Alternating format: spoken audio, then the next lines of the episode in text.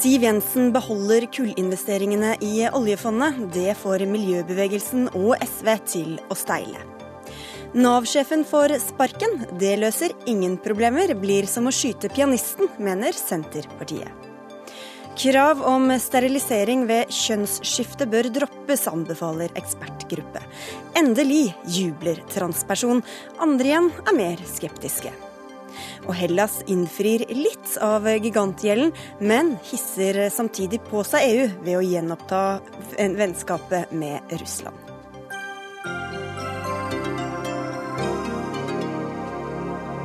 Vel møtt til ukas siste Dagsnytt 18 i NRK2 og NRK P2, hvor vi også skal en tur til Venstres landsmøte. Jeg heter Sigrid Solund. Det er ikke hverdagskost at en statsråd gir en statlig direktør sparken i all offentlighet, men i dag skjedde det. Arbeids- og sosialminister Robert Eriksson ga Nav-sjef Joakim Lystad fyken, og begrunner det med kostnadssmell, mangelfull oppfølging av arbeidssøkere og datatrøbbel i etaten. Vi skulle gjerne hatt med Robert Eriksson, men ingen fra departementet hadde anledning til å komme til Dagsnytt 18 i dag. Men denne saken vekker eh, reaksjoner. Og Per Olaf Lundteigen, stortingsrepresentant fra Senterpartiet, du sier at det er grovt urimelig å sparke Lysta som å skyte pianisten, sier du. Hvorfor er det det?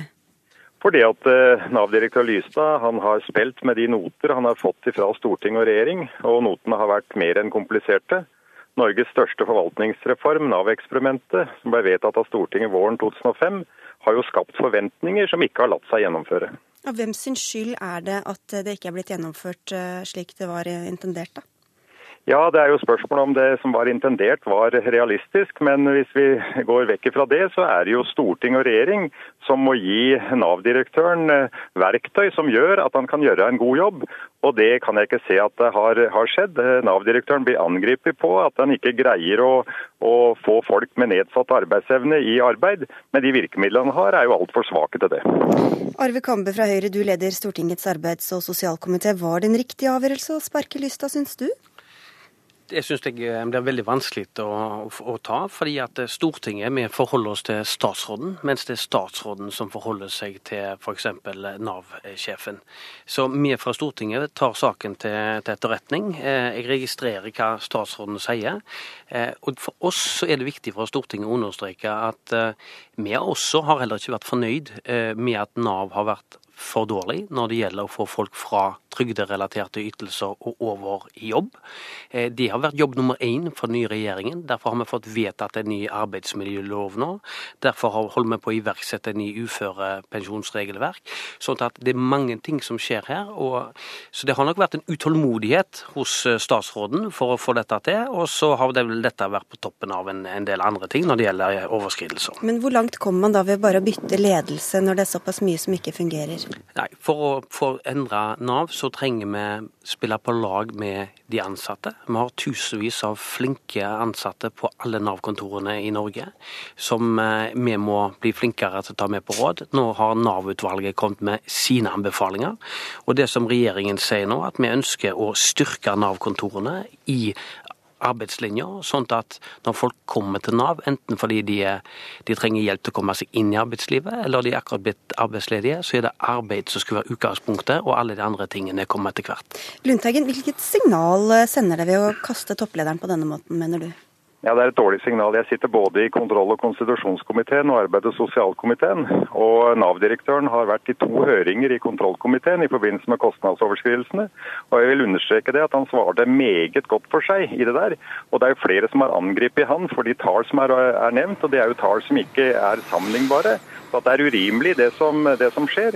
Nav-direktøren har eh, brei støtte fra eh, mange fagforeninger innenfor sitt team, og har røska opp i mye i det som der har skjedd. Jeg syns at det er helt klart her at eh, statsråden skyter pianisten uten å endre notene.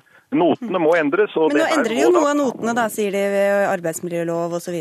Ja, hva er det som skjer ved de notene der? Det er jo at arbeidsmiljøloven skal svekkes, sånn at det skal bli mer midlertidige ansettelser. Altså, Vi skal være klar over at arbeidslivspolitikken kommer til å bli et av de store temaene framover. For at det stadig flere arbeidstakere i Norge fører usikkerhet.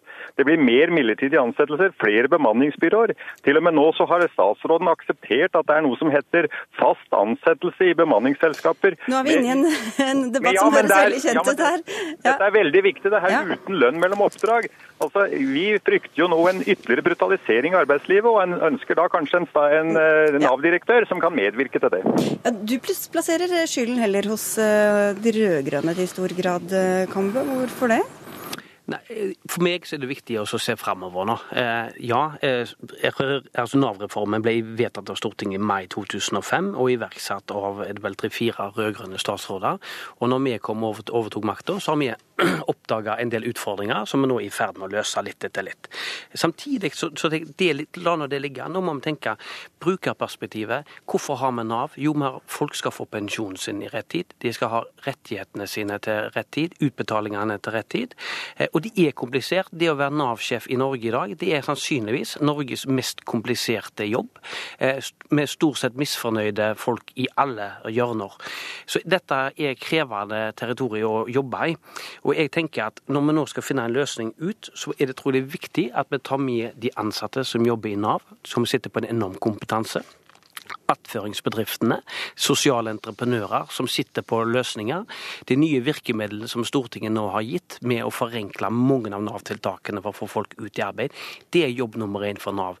Og den nye direktøren, den nye Nav-sjefen, den er nødt til å ha veldig god innsikt i norsk arbeidsliv og vite hvordan man skal få hjelpe folk som ønsker å komme tilbake igjen i arbeidslivet raskest mulig.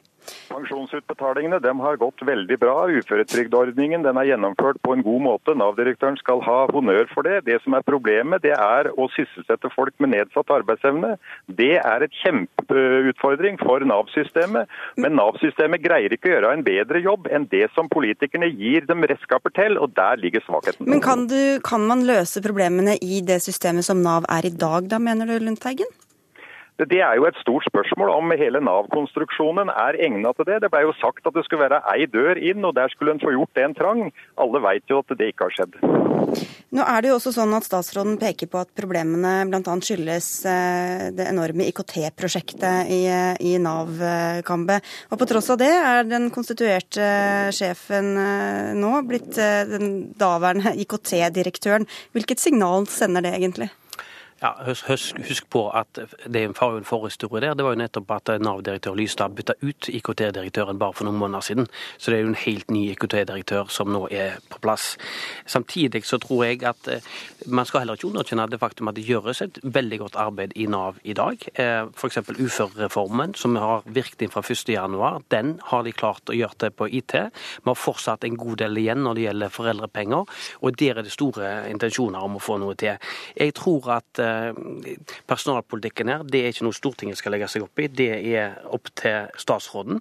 Vi må sørge for at Stortingets intensjoner om å hjelpe folk i arbeid, det er jobb nummer én på alle Nav-kontor, og ligger bevisst for alle sammen.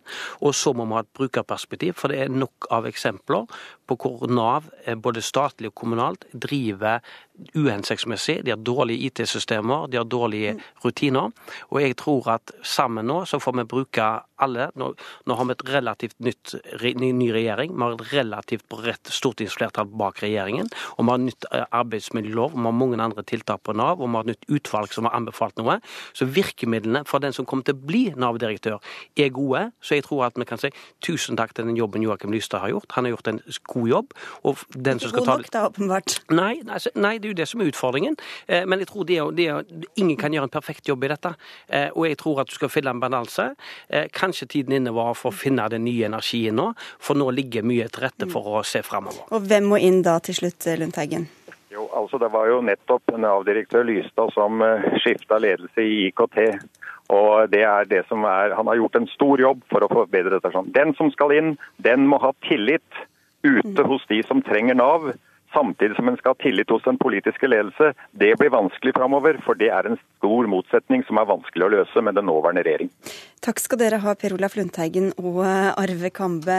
Over til dere to i studio. Elin Ørjasæter, du er førstelektor ved Markedshøgskolen, og du skriver i dag i et blogginnlegg at Lystad aldri var egnet eh, for jobben. Hvorfor var han ikke det? Eh, jeg mener at han ikke hadde CV for jobben. Jeg ble veldig overrasket når han fikk den. Eh, han eh, ledet jo da et, et mindre tilsyn. Mattilsynet? Ja, Mattilsynet.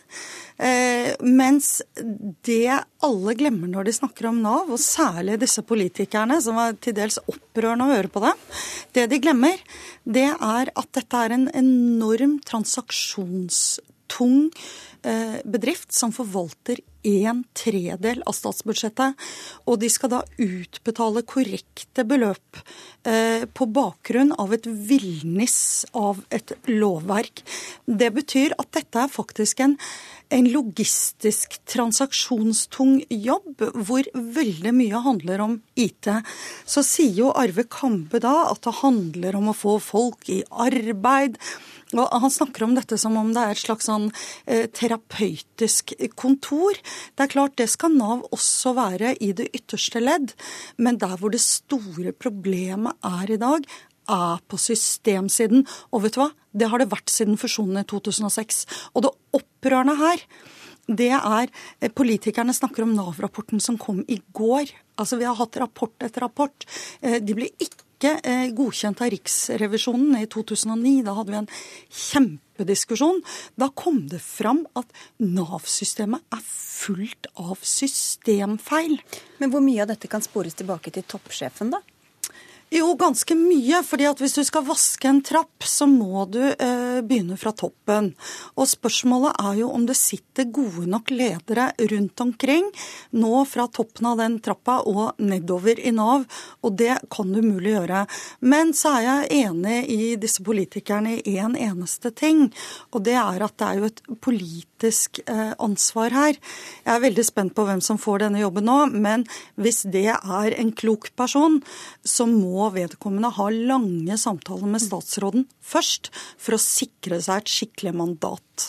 Magne Lere, du er redaktør i ukeavisen Ledelse, og du er ikke like nådeløs i dommen over lista som Ørjasæter er? Nei, Han ble jo valgt fordi han var jo sett på som en stjernebyråkrat. Og han hadde nettopp fått til fusjonen med, med, rundt Mattilsynet, så var fire tilsyn som gikk sammen. Og han, han hadde et ord på seg nettopp for at han forsto IT. Så Det var jo argumentene for at de ville ha han i denne jobben. Og politikerne de vil ha byråkrater i disse stillingene. Altså, De vil ikke ha børster som går i gang eh, med, med å, å, snu opp på alt mulig slags.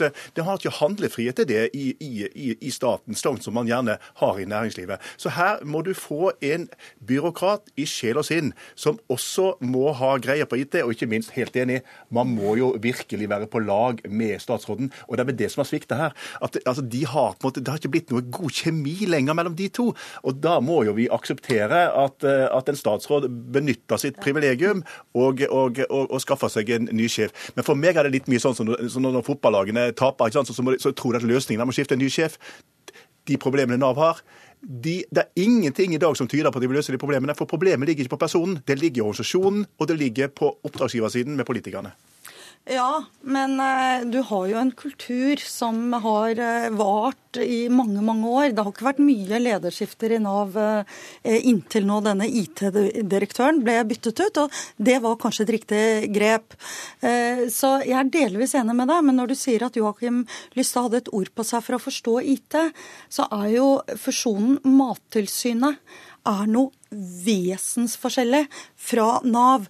For det er som å Altså, på IT-siden er størrelsen, kompleksiteten og også det at Nav handler om uh, informasjon ja, til brukerne, det er noe helt så, annet. Men vi har ikke så veldig mange som har erfaring for å lede den typen store vi, virksomheter. Vi har, vi har, noen. Altså, vi har jo banker i dette landet. DNB ja. Nord pleier ikke rote bort posten, sånn som Nav gjør. Det vil ikke fungere å hente næringslivsleder inn i denne jobben, de vil ikke ha denne jobben. Vi kan ikke bruke Helge Lund-typer og alle som er kjempegode ledere. Helge Lund, jeg har aldri nevnt nei, nei, Helge men, altså, Lund. men, men ja, bank, bankfolk vil overhodet ikke fungere i et sånt system. Du må er forstå byråkratiet. Da får vi i hvert fall en sånn lønnsdebatt her Du, jeg Dagsnytt vet jo en, en av de som hadde vært strålende denne jobben, men som nå har gått av med pensjon, det er jo Olav Hytta, som har bygget opp bankaksept her i Norge. Det fins faktisk bankfolk med hjertet på rette stedet, Ja, Magne Lerud, som er opptatt av samfunnet.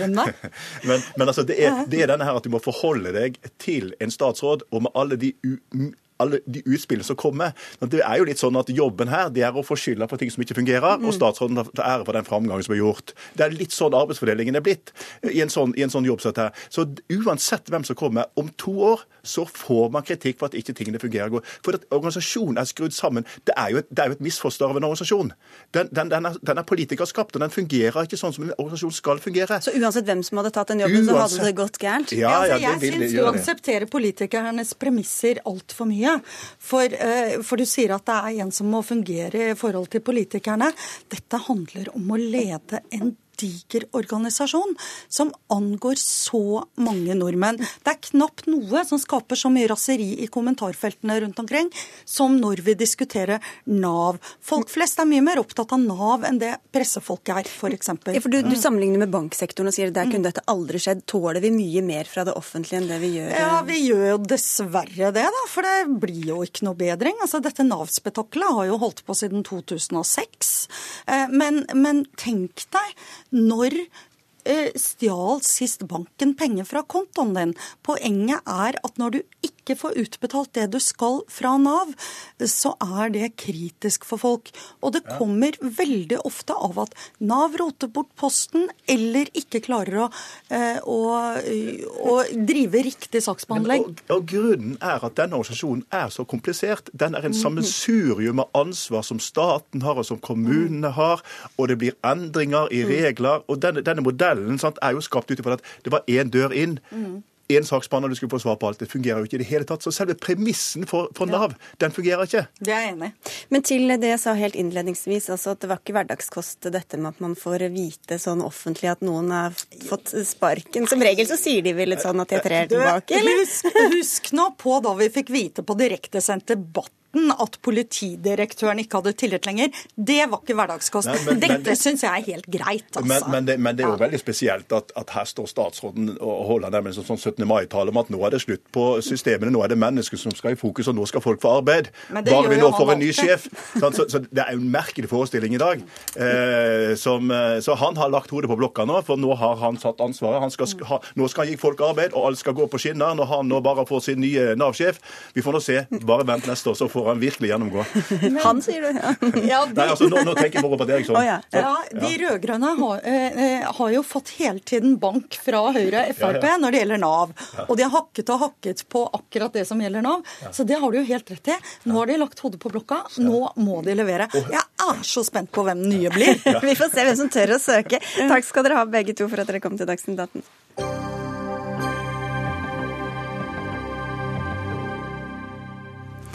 Regjeringa vil gjøre oljefondet mer miljøvennlig, og i dag la de fram en stortingsmelding der de sier at de vil ta miljøverstingene ut av eh, fondets investeringer.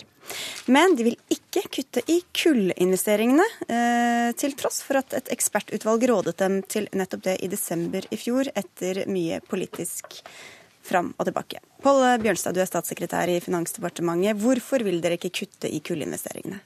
Ja, Det er ikke riktig at et ekspertutvalg eh, som vi nedsatte Nei, det var det jeg følte det var noe feil jeg sa der. Det tror jeg, fordi det ekspertutvalget, som altså besto av internasjonale og norske tunge eh, eksperter, eh, bl.a. Norges aller fremste klimaøkonom, Michael Hoel, og den tidligere lederen i Etikkrådet, de anbefalte nettopp at vi ikke på generelt grunnlag skulle trekke oss ut av kullselskaper, men at vi istedenfor skal ha et uttrekk for å ta klimaverstinger. Men da skal ikke vi bare se på én bransje. Da skal vi underlegge alle de 9000 selskapene det samme kriteriet. Uavhengig av hvilken bransje det er, og uavhengig av hvilke Hva slags kriterier er det? Det er hvis de eh, bidrar til eh, eh, alvorlig klimautslipp, eh, ubegrunnet klimautslipp, Eh, så skal vi eh, kunne, eh, skal Etikkrådet vurdere hvorvidt disse selskapene bryter dette kriteriet. Og så skal de komme med sin anbefaling, og Norges Bank skal ta en beslutning om man For skal hvert enkelt selskap. For hvert enkelt Som selskap. gjelder da veldig mange forskjellige tusen selskaper. Det er sant, men det er akkurat dette systemet vi har hatt for grove menneskerettighetsbrudd. Og også for miljøskade. Og det er dette systemet som opposisjonen i fjor kalte for selve gullstandarden i internasjonalt når det gjelder etiske investeringer. Og det er dette systemet vi ønsker å bygge videre på. Snorre Valen, finanspolitisk talsperson i SV. Ikke like gullstandard for dette som for det andre, mener du? eller? Nei, altså forslaget om å trekke seg ut av selskaper som er klimaverstinger, er, er greit. Det. det er litt vagt. Altså det, det, heter i forslaget at det skal være handlinger eller unnlatelser som på et aggregert selskapsnivå i uakseptabel grad fører til utslipp av klimagasser. Og det er litt vanskelig å skjønne hva det faktisk skal bety i praksis, men er nå for det.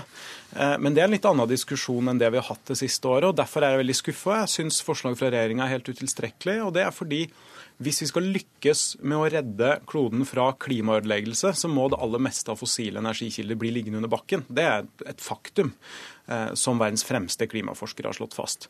Da sier det seg sjøl at vi ikke kan hente opp alt kull her i verden.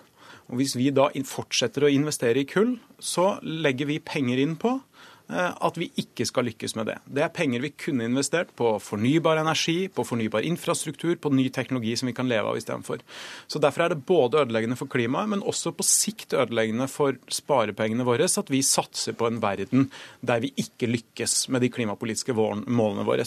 Og Spesielt merkelig blir det fordi det har vært flertall på Stortinget nå i halvannet år for å trekke oljefondet ut av kull. Vi i SV vil jo gå lenger og trekke ut all fossil energi, men i hvert fall kull. Og Da er det litt rart og ganske lite ydmykt av regjeringa å holde fast på at man ikke skal gjøre det. Og da er eneste utvei at Stortinget må overkjøre regjeringa i denne saken. Det er jo ikke så ofte dere snakker pent om kull eh, her. Det er jo Oftest så er det gass eller andre fornybare løsninger. Hvorfor skal vi da investere i noe vi ellers egentlig ikke vil befatte oss med? For det første så er det jo kanskje greit å minne Snorre Valen om at den regjeringen som SV var medlem av eh, for ganske få år siden, godtok å investere en, over 1 milliard kroner i en ny kullgruve på Svalbard. Ja, men Det kanskje det, dere også vil gjøre, da. Det er jo en litt annen sak. Men poenget er at eh, selv om vi får en, og det får vi håpe, at vi får en ambisiøs klimaavtale i tråd med togradersmålet, så vil vi fortsatt i lang tid fremover være avhengig av fossile brennstoff. Og Derfor så det, er det vanskelig å argumentere for at det er uetisk å være investert per se i, eh, i kullkraft, eller for den saks skyld i andre petroleumsselskaper. Og Dette er jo et råd vi har fått altså fra en ekspertgruppe av internasjonale eksperter, og dette er støttet av Etikkrådet. Så å si at dette er da å lite fintfølende overfor Stortinget, det Stortinget ba oss om, var jo nettopp å nedsette en ekspertgruppe. Så denne ekspertgruppen, den velger dere å stole på? Denne ekspertgruppen eh, det er det den har anbefalt, som altså består av eh, fremtredende ekspertise på dette området, og eh, er støttet av Etikkrådet. Og Poenget er jo at det, det, det, kan være et dyrt virkemiddel å trekke seg ut av en hel bransje, og det er ineffektivt. det vil ikke føre til noe mindre kullproduksjon, selv om oljefondet selger seg ut av disse selskapene. Og kanskje komplisert også, Snorre Valen, å bestemme hva som er det ene og hva som er det andre, og hva som er klimaverstinger sånn eller sånn. og jeg er veldig pragmatisk på hvordan vi skal utforme et sånt uttrekk. Og det er mange gode fagmiljøer som har foreslått ulike modeller for det. Cicero f.eks., som ikke akkurat er noen Eh, er unyanserte aktivister, men også veldig gode krefter i miljøbevegelsen. Regnskogfondet, WWF, Greenpeace osv. Så, videre. så det er det mulig å få til. Eh, men det man gjør når man fortsetter å være storinvestor i kull, sånn som Fremskrittspartiet og Høyre legger opp til at oljefondet skal være, det er ikke bare det at vi satser penger på at kull det er framtidas inntekter. Det er penger vi kunne brukt på framtidas arbeidsplasser og framtidas klimaløsninger istedenfor. Men vi gir også et viktig signal da, til resten av verden om at en av de største fondene i verden som en stor aktør som mange følger med på, syns det her er greit. Det er én gang i året at jeg blir oppringt av Wall Street Journal. Og det er ikke fordi jeg er særlig interessant for Wall Street Journal, men det er fordi regjeringa legger fram denne meldinga. Den blir fulgt med på i hele verden. Vi har muligheten til å gi et tydelig signal om at vi vil investere i framtidas arbeidsplasser, framtidas teknologi og bidra til en mer klimavennlig verden. Altså både. Både symboleffekt og en faktisk effekt.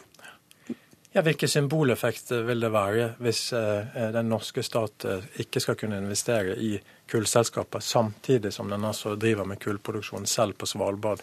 Og din regjering Det vil jo ikke SV ha, da. Nei, Vi vil jo legge ned den, så det er nå veldig bra, det. De, de satt i en regjering som godkjente en kullgruve til ja, Nå har de bedt om lån fra dere, da, som vi venter på svar fra. Og deres partner Arbeiderpartiet også ønsker at man skal gi dette lånet.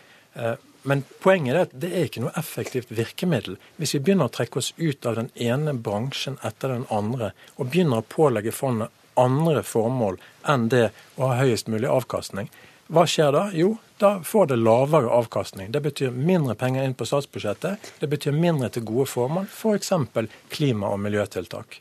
Og dette er, er denne ekspertgruppen, Ikke bare denne ekspertgruppen, men også den ekspertgruppen som den forrige regjeringen nedsatte for å se på forvaltningen, helt krystallklar på fond som er blitt pålagt andre mål enn å tjene mest mulig penger, de får lavere avkastning. Det betyr mindre penger på statsbudsjettet. Og Dere er ellers kritiske når dere ikke hører til andre ekspertgrupper. Snorre Valen. Hvorfor stoler ikke dere på denne? Det er fordi vi er saklig uenige både med premissene ekspertgruppa har gjort sine vurderinger på, og konklusjonene de kommer med. De har en veldig snever innfallsvinkel. F.eks.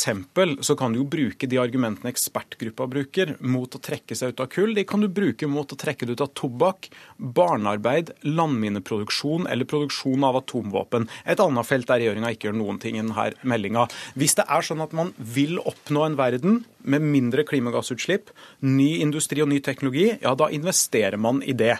Hvis Selv om det er mindre lønnsomt? Selvfølgelig gjør man det, men premisset er jo også feil. Det er jo ingenting som tilsier at det skal være mindre lønnsomt å investere mindre i kull. Tvert imot. For hvis vi nå for et øyeblikk ser for oss at vi er i ferd med å lykkes med å stoppe de skadelige klimaendringene, ja, da skal mesteparten av verdens kull og olje bli liggende under bakken. Da er det svært, svært risikofylt å investere mer i kull og olje i framtida. Hvis vi legger til grunn at vi skal lykkes med å stoppe de farlige klimaendringene, så bør vi jo tvert imot sikre oss ved å investere mer i fornybar teknologi og trekke oss ut av kull. Eh, hvis, hvis de fornybare selskapene begynner å tjene mer penger og vokser, så vil vi investere mer i de. Og ja, det er risiko knyttet til kullproduksjon, akkurat som det er risiko knyttet til all annen produksjon. Men det gjenspeiler seg jo i prisene. Og hvis vi skal argumentere for å trekke oss ut, så må det være fordi vi vet bedre denne risikoen enn andre investorer. Det tror jeg ikke er riktig. Og så får vi se hva KrF og Venstre sier. Vi skal ha med Trine Skei Grande litt seinere i sendinga, så da kan hun få spørsmål om det da. Takk skal dere ha for at dere kom, Pål Bjørnstad fra Finansdepartementet og Snorre Valen fra SV.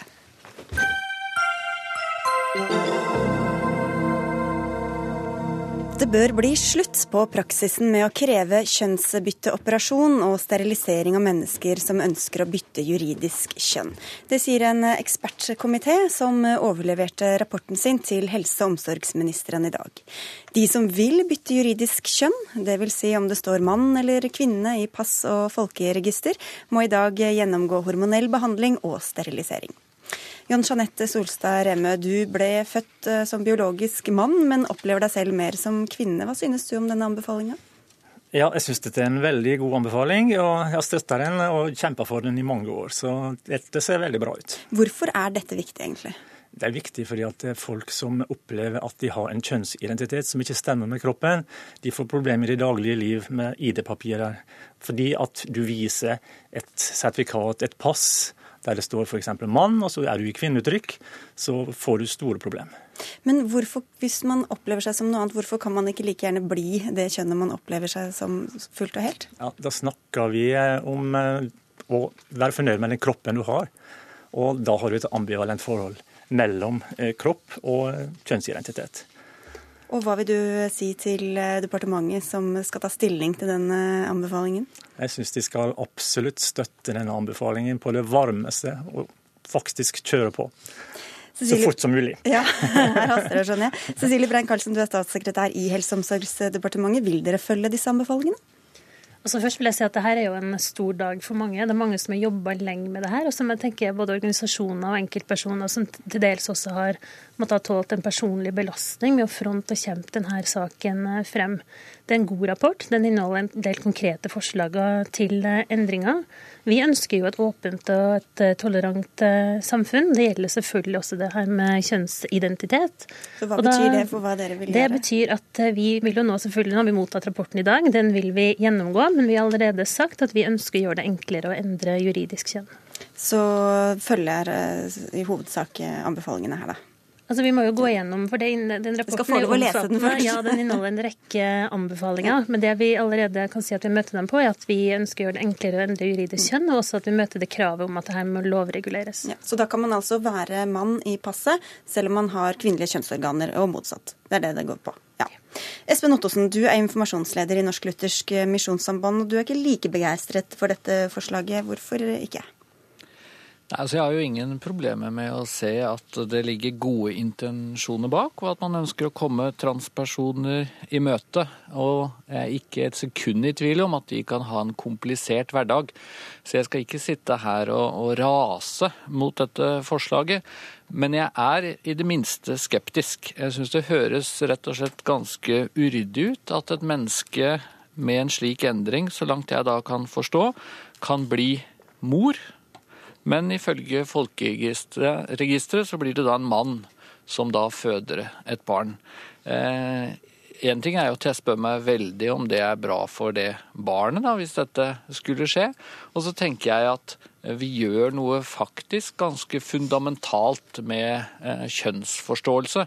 Eh, hvis det altså blir slik at en person som er registrert som eh, mann i offisielle registre, kan føde et barn. Dette høres jo liksom litt sært ut, men det har jo skjedd, vært eksempler i andre land hvor det er menn som da blir gravide og føder barn fordi de får lov til å beholde de indre kjønnsorganene sine. Skjønner dere at det kan vekke følelsesmessige reaksjoner, i hvert fall? Det er en vanesak, tror jeg, mer eller mindre. Fordi vi har et kjønnsmangfold, og det må vi forholde oss til. At eh, mennesker kommer i alle fasonger og i forskjellige utgaver. Ingen er like. Og det må også Otsen kunne ta inn. Men det tar jeg gjerne inn. Det som jeg spør eh, meg om, det er i hvilken grad staten og det offentlige faktisk skal legge til rette for eh, et type mangfold som faktisk vil føre til eh, det jeg vil oppleve som delvis kaos. For eh, poenget er jo ikke at jeg nødvendigvis mener at det skal være umulig eh, å skifte kjønn, men det å stå midt mellom eh, mann og kvinne, og altså være biologisk mann eller kvinne, men det motsatte i papirene, det tror jeg for hele samfunnet ikke er en god løsning, selv om jeg kan forstå at det er noen transpersoner som tenker at dette høres best ut for oss. Kaotisk, Brent Karlsen? Nei, jeg tenker at Vi må ha respekt for at enkelte syns at dette er et uh, smalt tema, eller kanskje også et rart uh, tema. Men for dem det gjelder, så er det dette et utrolig viktig spørsmål, om ikke et livsviktig spørsmål. Og jeg tror også at de her uh, spørsmålene nå har modna seg litt. Det har jo vært flere ganger opp i media. Og jeg tror jo også det at for så vil jeg fremme den TV 2-serien 'Født i feil kropp', der vi også ble kjent med svært unge som også var så tydelige på sine behov. Det tror jeg åpna øynene for mange, da, at dette spørsmålet nå er moden, og at tenker at Det vi hører også her, er dels eh, gammeldags. Men uh, han, eh, Ottosen nevner jo barn her også. Vokse opp med da, en, en, far som egentlig er en mor. Eller, altså, hvordan, hvordan, tror du det kan oppleves for disse barna det eventuelt kan gjelde? da? Ja, altså Barn har jo ingen fordommer. Det er jo vi voksne som påfører barna. Og Hvis Ottesen snakker sånn som han gjør til barn, så er det klart at de vil vokse opp med, med fordommer. Ottosen? Ja, det syns jeg jo blir eh, altfor eh, rett og slett snevert å se det sånn. Jeg tenker at når jeg møter et nybakt eh, foreldrepar som går rundt med en liten barnevogn, er det da fordomsfullt hvis jeg spør er det en gutt eller er det en jente? Eh, da er jeg jo redd for at Solstad Reme vil si ja, da er du fordomsfull, for du må huske at det mm. fins eh, flere kjønn, og det er eh, ganske komplisert dette med om man er gutt eller jente. Vi skal snart til debatten det... om det tredje kjønn, men du kan få svare på det først. Ja, Det finnes faktisk noe som heter intersex. Jeg er klar over det. Og det er mennesker som er født med begge kjønnsorgan eller uklare kjønnskarakteristikker. Og de blir da operert, sånn at de skal passe inn i det heteronormative systemet. Og det er, det er, bare helt håpløst for de barna, for de er faktisk friske. Opererer på friske barn. Skal, nå glir vi litt over i den andre debatten som vi skal eh, over til, og da skal du få lov å gå ut. Eh, men du skal for, først få svare, Cecilie Brein-Karlsen. Eh, hvordan tror du at dette blir mottatt i ditt parti, Fremskrittspartiet, som vel er nokså delt på sånne ting? Altså, Frp har jo allerede uttalt at man er imot det steriliseringskravet for juridisk endring av kjønn. Men her skal jo nå være Vi setter jo da et lovforslag på høring, og så er det ordinære prosesser på det her. Da sier vi takk til deg, eh, Cecilie Brent Karlsen. Så skal vi få inn eh, en eh, person til her fra Sosialistisk Venstreparti. Ja, det er deg, Endre Flatmo. Dere ønsker rapporten velkommen, men hadde også ønsket at den gikk enda lengre, og foreslo at man innførte et tredje juridisk kjønn. Hvorfor er det nødvendig? Altså Først vil jeg bare si at dette er jo en jubeldag eh, i Norge, og for alle oss som har jobba for de her endringene. Eh, det er en skamplett hva gjelder eh, norske rettigheter at, um, at, man har hatt det her kravet om sterilisering. Men vi er ferdig med den debatten nå. for at vi kan ta farvel med den nå.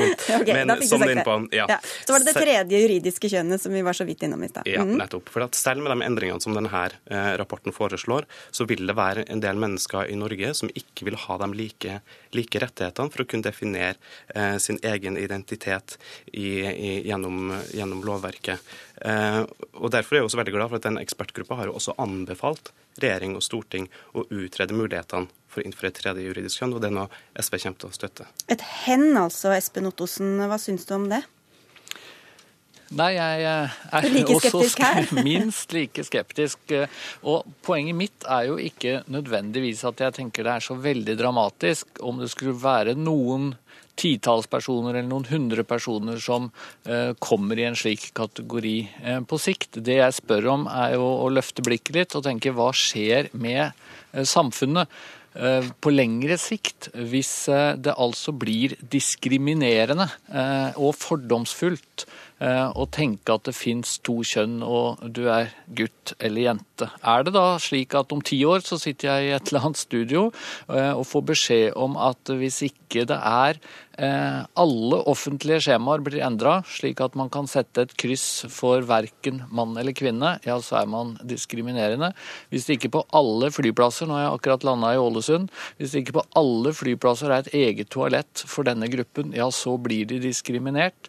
Og som sagt, hvis det er slik at jeg Eh, som lærer eh, sier at nå skal vi leke en lek hvor det er guttene mot jentene, ja da diskriminerer jeg. fordi at det kan jo være noen som ikke er komfortabel med dette. Mm. Og hvem som helst må selv få lov å bestemme om han føler seg som mest mann, mest kvinne eller noe annet. Men du må velge, sier du. Ja, Flatmo, hva sier du til det? Det jeg sier da, er at vi må ha et lovverk som er tilpassa virkeligheten og ikke omvendt. Eh, I verden i dag så lever 25% av befolkninga i land som nettopp har Eh, et tredje juridisk kjønn. Og Man kan jo snu litt om på spørsmålet. da.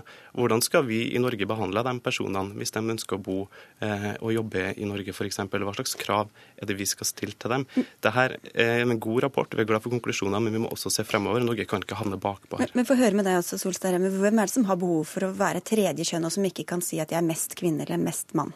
Nei, hvem de er, det må være opp til hver enkelt. Eller hvorfor, hvorfor, er det sånn at man ikke liksom føler at du er mest det ene eller mest det andre? Ja, Det er fordi de har et ambivalent forhold til det kjønnet de er født i, i forhold til det kjønnet de har i hodet. Og nå er det jo faktisk et land i Europa som har innført tredje kjønn, nemlig Tyskland. Og i India og i Pakistan og i eh, Nepal og i flere andre land, i Australia Eh, New Så eh, det er klart at dette vil komme i Norge, uten tvil. Altså. Høres ut som du må sitte her da, om ti år Ottosen, og ta den debatten? Ja, det blir jo det som blir spennende. da. Hva fører dette til i praksis og på lengre sikt? Som sagt, jeg har egentlig ikke noe veldig stort problem om det skulle være 140 nordmenn som går rundt med et pass hvor det ikke er samsvar mellom eh, biologi og Eh, hva som står i passet. Det jeg er mer opptatt av, er hva sier vi om, eller hva tenker vi ideologisk om kjønn? Er det slik at vi går mot et, eh, et samfunn hvor det blir veldig komplisert å snakke om kjønn? Og hvor eh, det rett og slett blir slik at du skal kunne velge Det er jo du som gjør det komplisert å snakke om kjønn. Nei da, det blir veldig komplisert Nei, du, hvis man legger opp til at eh, f.eks. hver person kan velge sitt eget kjønn uten at det har noe med medisin Men vi har et reelt kjønnsmangfold i Norge i dag, og det har du valgt å ikke forholde deg til. Men vi kan ikke ha et lovverk som ikke gjør det. Hvis vi skal være en moderne rettsstat, så må vi ha et lovverk, og vi må ha eh, offentlige papirer som er tilpassa folk sitt ønske om å kunne ha den identiteten man føler seg som. For nå bryter vi rett og slett eh, menneskerettighetene i Norge, og vi bryter dessuten eh, likestillings- og diskrimineringslovverket i Norge sånn som, sånn som det er i dag, inntil denne nye loven da kommer i gang. Ja, Ottosen, vi bryter loven, sier de. Ja, altså Nå er jo jeg ikke noe juridisk ekspert, og det er ikke slik at jeg ikke ønsker å forholde meg til dette eh, i det hele tatt, og sier at vi ikke skal ha noen regler. Jeg sier heller ikke at man ikke kan ha endringer, men jeg spør altså om eh, man går for langt hvis perspektivet blir eh, at man diskriminerer mennesker hvis man ikke altså legger opp til Det er det du er redd for, den praktiske, altså å få søksmål hvis ikke det er tre toaletter? Er det er det, det du er redd for, liksom? Ja, ja, ja, det høres jo litt vel bagatellmessig ut. Men jeg er rett og slett opptatt av det ideologiske spørsmålet. Mm. Eh, det handler selvfølgelig litt om at jeg også er kristen. Tenker at vi har en gud som har lagt ned en kjønnspolaritet, eller hva man nå kaller det, i skaperverket. Eh, vi tenker alle med en gang vi ser en barnevogn. Eh, så spør vi er det en gutt eller en jente oppi der. Og jeg tenker det kan vi faktisk ikke gjøre noe med. Selv om det altså finnes noen mennesker, og det tviler jeg ikke et sekund på, som mm. ikke opplever at de helt passer inn i disse kategoriene. Og jeg tenker at selve dette spørsmålet, skal et menneske kunne velge sitt kjønn? Sånn litt sånn på øverste hylle skal man om noen år få noen som sier at ja, men jeg vil være et fjerde kjønn, for jeg passer egentlig ikke helt inn i det tredje kjønnet heller. Ehm, jeg kan ikke velge mine foreldre. Jeg, jeg vil bare velge... nevne det, Ottesen, at 41% av transpersoner i verden er suicidale. Og det må gjøres noe med. Det burde du være mye mer opptatt av. Jeg er ikke et sekund i tvil, som jeg sa innledningsvis, om at transpersoner har det veldig vanskelig. Men det blir jo det som er problemet med denne debatten, og jeg tror det er det som er problemet for NRK når det gjelder å få noen til å stille på den andre siden i denne debatten, at du kan nesten ikke være skeptisk til dette før du får beskjed om at du tar ikke på alvor at det er mennesker som eh, har en veldig vanskelig livssituasjon. Det syns jeg er litt sånn rått råtten debatteknikk å benytte seg av. Da skal dere få en helt kort kommentar om det på slutten. Jeg skal bare si, Vi er veldig glad for det som kom i dag. Vi skal kjempe gjennom det. Men vi skal skape et samfunn som er veldig annerledes enn det Oppdalsen presenterer for oss i dag. Det kommer til å være et samfunn hvor vi har flere frie og lykkelige mennesker, og det får vi bl.a. gjennom å innføre et tredje juridisk kjønn. Da får vi se hvor, hvor departementet ender, mm. og hvem av dere som vinner, for å si det sånn. Tusen takk skal dere ha alle tre for at dere kom og var med i Dagsnytt 18. Kjønnsmangfold har vi også her i Dagsnytt 18. Takk skal dere ha. Hør Dagsnytt 18 når du vil. Radio NRK NO.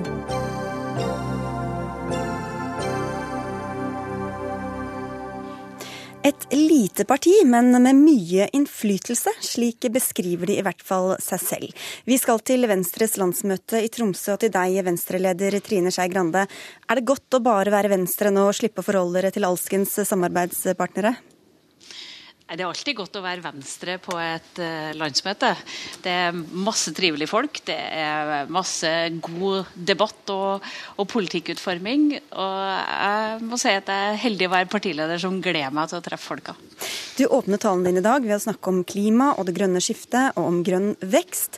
Trenger vi økonomisk vekst som vil gi alle nordmenn økt kjøpekraft?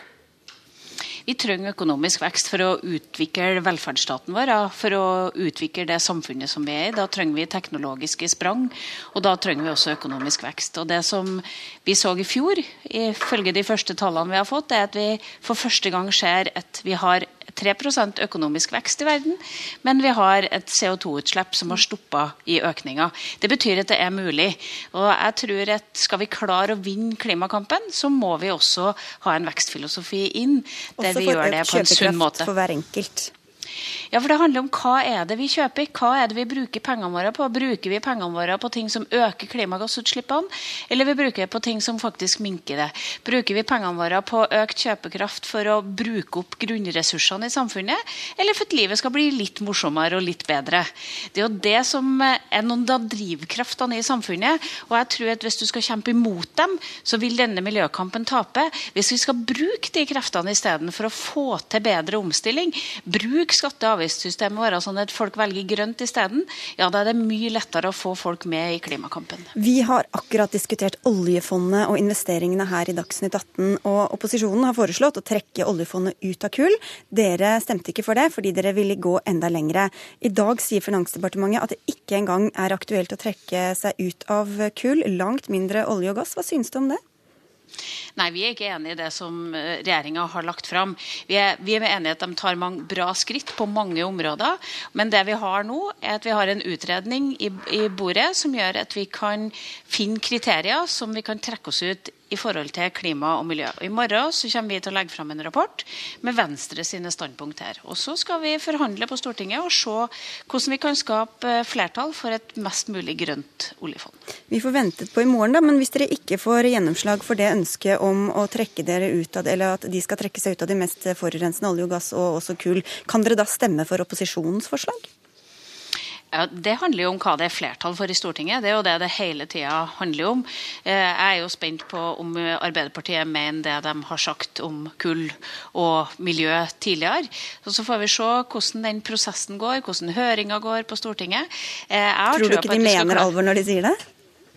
Det, det, er jo ikke alltid at man gjør det når man skal stemme. Og vi kommer til å ha store ambisjoner for å få et oljefond som bidrar til å spre risikoen for Norge.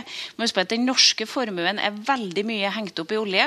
Det at vi skal ha et pensjonsfond som også er så hengt opp i oljeinntekter, det fører til at det er en stor risiko for den norske fellesformuen. Det har vi vært igjennom. vi har hørt de argumentene for oh, litt siden. skjønner du. Ja da. Nei, nei, nei. Men det betyr, eh, ut fra det du sier nå, at dere vil stemme for det forslaget, og enten det kommer fra det ene eller det andre, som vil gi mest mulig uttrekk i det som er mest mulig miljøfiendtlig vanskelig, for å si det sånn.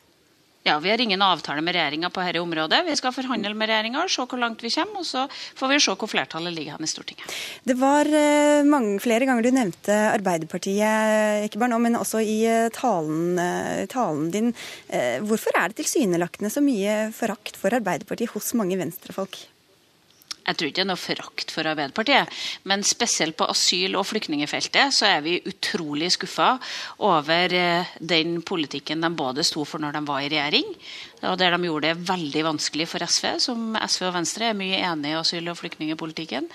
Eh, og at vi ser i dag at de verken eh, vil øke antall kvoteflyktninger, sånn som vi har gjort sammen med regjeringa, og at de eh, også var imot endringa våre for å gjøre nå at 152 eh, asylbarn, lengeværende asylbarn får bli i Norge.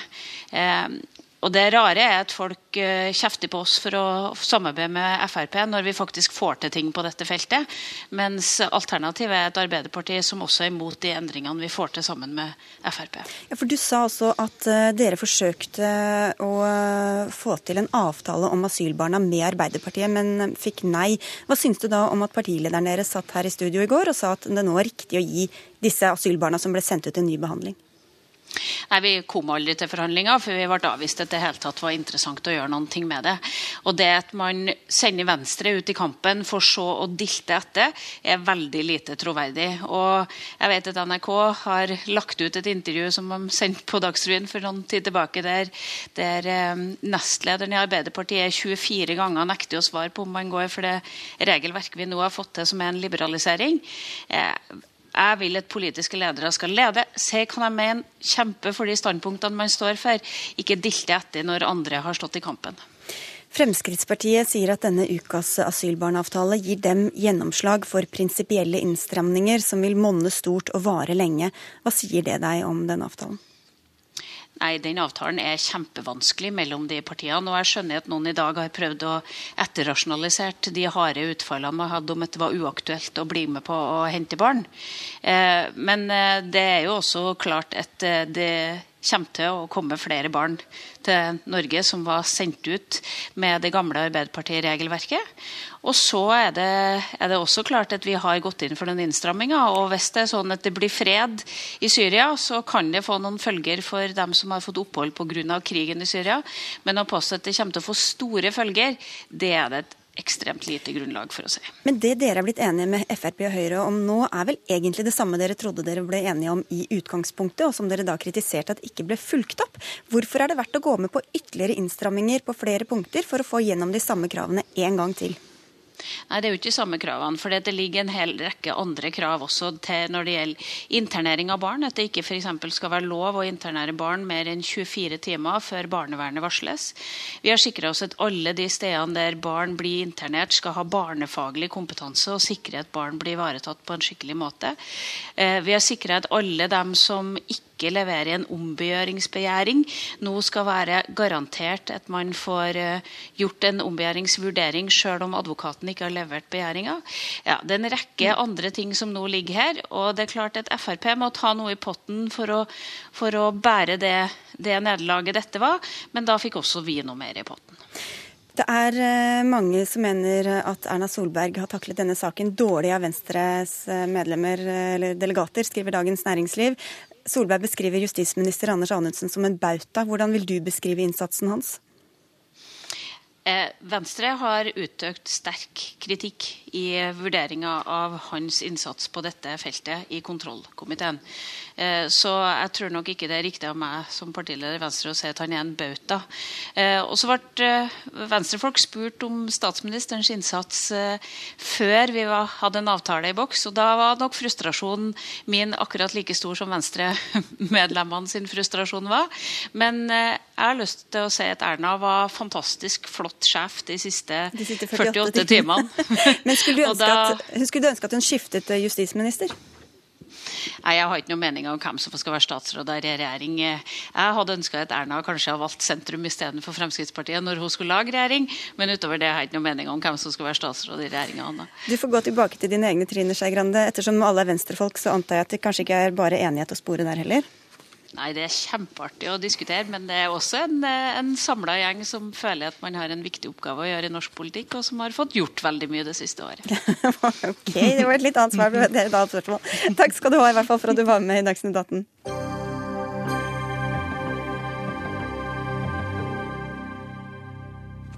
Nå skal det handle om Hellas og om statsgjelda som landet har på svimlende 317 milliarder euro. Så når Hellas eh, maktet å innfri et avdrag på 450 millioner euro i går, blir det nærmest for lommerusk å regne. Nå er statskassa bunnskrapt før nye regninger forfaller. I ytterste konsekvens kan en statskonkurs tvinge Hellas ut av eurosamarbeidet.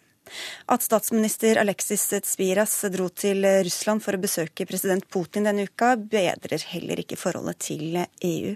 Alexander Zlatanos Ibsen, du er sosiolog, forfatter, og du er eh, halvt gresk. Hvorfor dette frieriet fra Hellas til akkurat Russland? Ehm, I eh, andre land i Europa, særlig Nord-Europa, så har man reagert veldig negativt på eh, besøket til Tsipras hos, altså til Kreml. Og det er fordi at vi har eh, et syn på Russland i dag som eh, skyldes eh, aggresjon på, på Krimhalvøya, vilkårene for journalister og andre ting.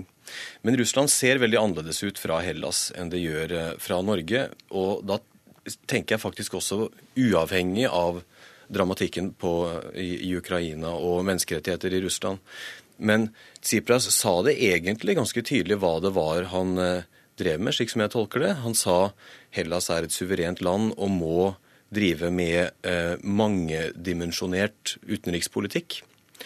Det kan høres eh, kanskje inkonsekvent ut eller illojalt mot allierte å snakke på den måten, men eh, Hellas er for alltid på, i randsonen av Europa og et veldig utsatt eh, geostrategisk eh, i en utsatt ge geostrategisk posisjon. Og har lært av historien at de trenger flere ben å stå på. Men hva slags bånd eller vennskap er det historisk mellom eh, Russland og Hellas? Det er vel, det, til syvende og sist så er det et bånd som, eh, som, beror på religion, en felles eh, ortodoks kristendom, som etter Sovjets fall kom tilbake igjen i, i Sovjetunionen. Og Putin har jo brukt ikonografien veldig tydelig. Gaven hans til, til Tsipras nå i, i, Kreml ved det siste besøket var to ikonmalerier. Eh, altså hellige eh, gresk-ortodokse malerier som var stjålet i sin tid fra Hellas under nazistenes okkupasjon. Svært symboltung handling. Det er den ene. Eh, det, er, det er klangbunnen, kan du si, for forholdet mellom dem. Men eh, utover det så har det ja, gjennom historien har vi hatt uh, felles fiender. Det har vært uh, mer eller mindre uttalt vennskap mellom, uh, mellom, Russland og Hellas. Og Russland er på et vis det landet, ja, si, det landet som veldig mange grekere, uavhengig av politisk støpning, kan enes om det er nyttig å ha et godt forhold til. Eh, kommunistene kan ha en viss sovjetnostalgi. Andre venstreorienterte kan være motivert av antiamerikanisme og se på Russland som heldig mot, en heldig motvekt mot Russland. Og helt ut på høy, fascistisk eh, eh, fløy i Hellas så liker man den nasjonale, autoritære Putin. det faller i smak. Kjersti Haugland, du er seniorøkonom i DNB Markets. Hva kan Hellas oppnå, oppnå økonomisk ved å fri til Russland? Nei, De sier jo selv at det, det har ikke vært noe snakk om pengehjelp eh, i dette tilfellet. her. Det Putin understreker jo det. Det var en samtale om eh, eventuelt samarbeid på energifronten, eh, energiprosjekter. Men det er ikke snakk om nå at Russland skal gi Hellas pengehjelp. Iallfall ikke i denne omgang. Så dette her var, eh, må nok mer tolkes i en sånn politisk retning som vi nettopp har eh, hørt her. For en pengehjelp, det hadde ikke Angela Merkel sett så blitt på, eller? Nei, eh, antageligvis ikke. I disse tider så er det vel lite heldig å motta nye lån da fra en, eh, en, eh, et land som en er i, har sanksjoner mot. Men de trenger jo penger. Altså, de er, de er i dyp gjeld. Hva slags bilder kan vi gi på hvor eh, dårlig det står til økonomisk eh, for grekerne? Altså, På mange måter så, så det ut til nå at den økonomiske bunnen var nådd, og at ting begynte å se litt bedre ut. Men da kom en jo òg fra et veldig eh, lågt nivå etter mange år med kriser og veldig høy arbeidsledighet. Eh, men det er sånn at gjelda til Hellas er da på nesten to ganger så høy som landet sin årlige verdiskapning. Eh, så alt det landet da klarer å skape verdier i året, ganger to, mm. nesten. Mm. det har de i gjeld. Og når du har så masse gjeld, så blir det rett og slett veldig vanskelig å bære. Eh, det, er, det, vil ta veldig lang tid å betale det ned. Eh, akkurat nå så har en ikke så veldig høye renteutgifter, så det er det positive i dette. Fordi etter flere runder med eh, gjeldslettelser, eller lettelser av lånevilkår, så er ikke de greske renteutgiftene så høye som lån i seg selv skulle tilsi. Men gjelda ligger der, og det er vel samla syn på det at gjelda etter hvert vil måtte nedskrives på nytt. Og så er det jo da Tyskland som det økonomiske lokomotivet som har hjulpet grekerne så langt. Hva slags forhold er det mellom Hellas og, og Tyskland? Det er eh, utenfra så kan jeg vel si som at jeg syns det er trist å se på eh, det forholdet delvis det genererer. og jeg kan opplyse om at jeg jobber for Høyres stortingsgruppe. Ellers så må vi bruke resten av kvelden på Twitter og forklare oss begge to. Ja. Eh, før jeg sier at en del av de tingene Tsipras og Syriza har gjort, har vært eh, jeg vil kanskje si unød, unødige provokasjoner mot Tyskland. Mm. Eh, som har vært ting, første Tsipras gjorde etter å ta statsministerposten, var å legge ned en, en krans på døde kommunistiske greker, greske partisaner under annen verdenskrig. Altså graven deres. Eh, og begynne å snakke om eh, krigslånet. Men så har man sett siste uken at det, har vært, eh, særlig på venstresiden i Tyskland, har blitt tatt imot litt mer positivt, dette kravet om, om reparasjoner for skade og ubetalte statslån under annen verdenskrig. At man tar på seg noe av ansvaret. Mm. Dette er naturligvis delvis forhandlings, eh, et forhandlingsforsøk fra grekernes side å minne verden om at eh, lån har blitt ettergitt tidligere. Det er vel sånn jeg tolker det. Haugland, du var her for knappe to måneder siden, og da sa du at nå må Hellas lage en stor og langsiktig avtale for hvordan de skal løse den økonomiske krisen. Hvordan går det egentlig med det arbeidet? Ja, hva skal en si? Eh, akkurat når jeg var her sist, i februar, så hadde de nettopp kommet til en avtale om at eh, dette eksisterende låneprogrammet skulle utvides til juni. Ikke engang det har det på en måte blitt eh, gjennomført ennå, fordi at eh, medlemslandene i EU venter fremdeles på at Hellas skal levere inn ei liste Eh, som de da skal godkjenne med reformer. Ja, for de må kutte sine egne utgifter i landet? De skal kutte utgifter mm. og heve inntektene sine. Eh, de foreslår nå, Hellas foreslår nå, de har levert inn et 26 sider langt dokument med forslag eh, nå før helga. Men de har blitt bedt om å jobbe videre med det og levere inn et mer detaljert og konkret forslag i midten av neste uke. Eh, det innebærer momsøkninger, eh, det innebærer økt eiendomsskatt. Men eh, långiverne da, med Tyskland i spissen, de vil ha mer på arbeidsmarkedsreformer og på pensjonsreformer. Som er veldig gode for mange i Hellas, og delvis ført dem ut i denne krisa? Ja, i, i, i, stor grad så er pensjons... Det er, har vært veldig gode ordninger, bl.a. for offentlige ansatte. Men det er et, stort, et vidt spørsmål som vil ha ganske sånn langtrekkende konsekvenser som skal virke over tid på økonomien. Men, men dette her nå venter vi på et EU-møte 24.4, der forhåpentligvis medlemslandene godkjenner Hellas sine forslag, og da vil 7 milliarder bli utbetalt. Så da er vi redda fram til juni i alle fall, eh, og så vil diskusjonen starte på nytt. Takk skal dere ha for at dere var med. De fikk kjøpt seg litt tid i går i hvert fall. Alexander Zlatanos Ibsen og Kjersti Haugland for at dere var med i Dagsnytt 18 i dag. Dagsnytt 18 tar helg, rett og slett. Ansvarlig for sendinga var Ida Tune Øretsland. Det var Marianne Myrhol som var teknisk ansvarlig, og i studio Sigrid Elise Solund.